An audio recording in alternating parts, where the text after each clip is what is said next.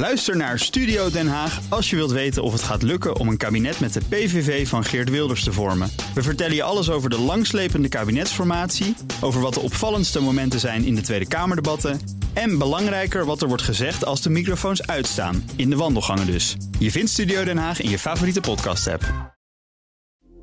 Dit is een BNR podcast. Wetenschap vandaag. Ja, luister goed, want dit is een hele belangrijke aflevering. Het kan niet vaak genoeg gezegd worden. Lezen is goed voor je. Ook uit een nieuw Nederlands onderzoek blijkt dat maar weer.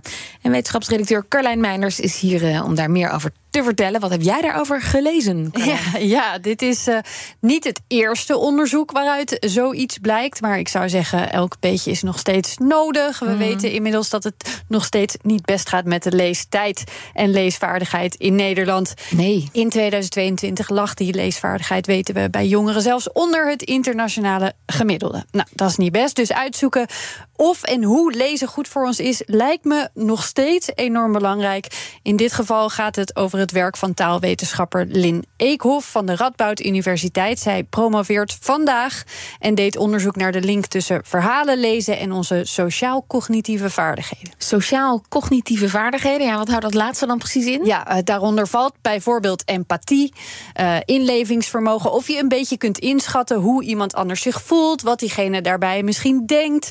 Uh, je kunt zo'n leesonderzoek natuurlijk vanuit verschillende hoeken aanvliegen. Mm -hmm. is ook zeker al veel gedaan. Hoe scoor je puur cognitief, bijvoorbeeld als je veel leest? Uh, hoe probleemoplossend ben je? Hoe creatief ben je?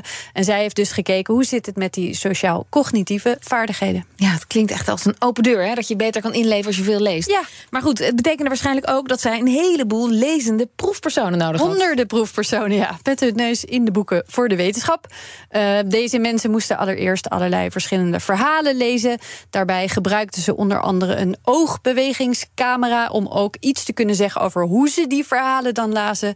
En dat werd dan vervolgens naast hun sociaal-cognitieve skills gelegd.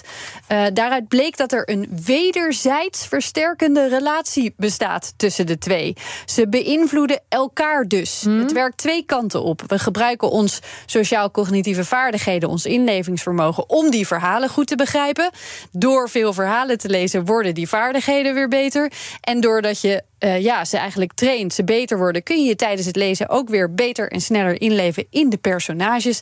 En dat geldt voor zowel volwassenen als voor kinderen. Oh, dus als je eigenlijk een beetje een bokkenlul bent in het dagelijks leven, dan, uh, dan lees je te weinig. Ja, dat onderzoek is nog niet op die manier uitgevoerd, oh, okay. maar zou ook heel ja, interessant dit, zijn. Dit is wel een training voor het, het dagelijks leven dus. Ja, ja, ja, want je traint de hersengebieden die je ook in het dagelijks leven hiervoor hard nodig hebt. Eigenlijk kun je dan een gesprek met vrienden op een verjaardag ja, vergelijken met in een stoel zitten en een boek lezen.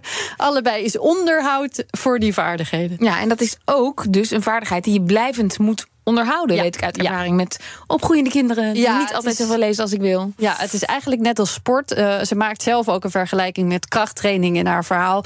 Want uit haar resultaten zou namelijk ook blijken dat het lezen van één verhaal al een licht uitputtend effect kan hebben op ons sociaal-cognitieve vermogens.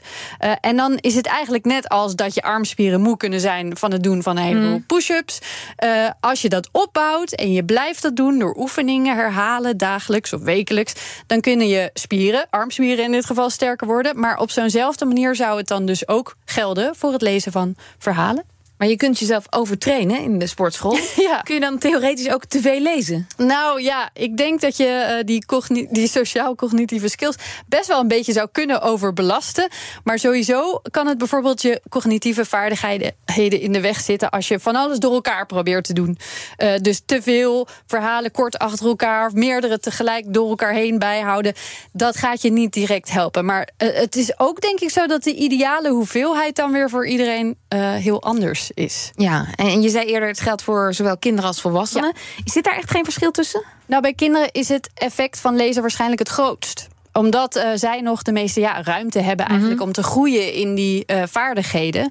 Uh, het beste zou dan eigenlijk zijn als je begint, als je jong bent en het een soort vast onderdeel van je leven is. Echt een gewoonte, zeg maar, die met je meegroeit. Ja, maar maakt het dan eigenlijk uit wat je leest? Fictie, romans, verhalen? Het gaat vooral om dat verhalende. En het helpt natuurlijk wel als er sprake is van iets waarin je je kunt inleven. Personages, maar dat kan ook weer van alles zijn. In principe kan een pratende kast in een heel goed verteld verhaal ook iets zijn waarin je je in kunt leven.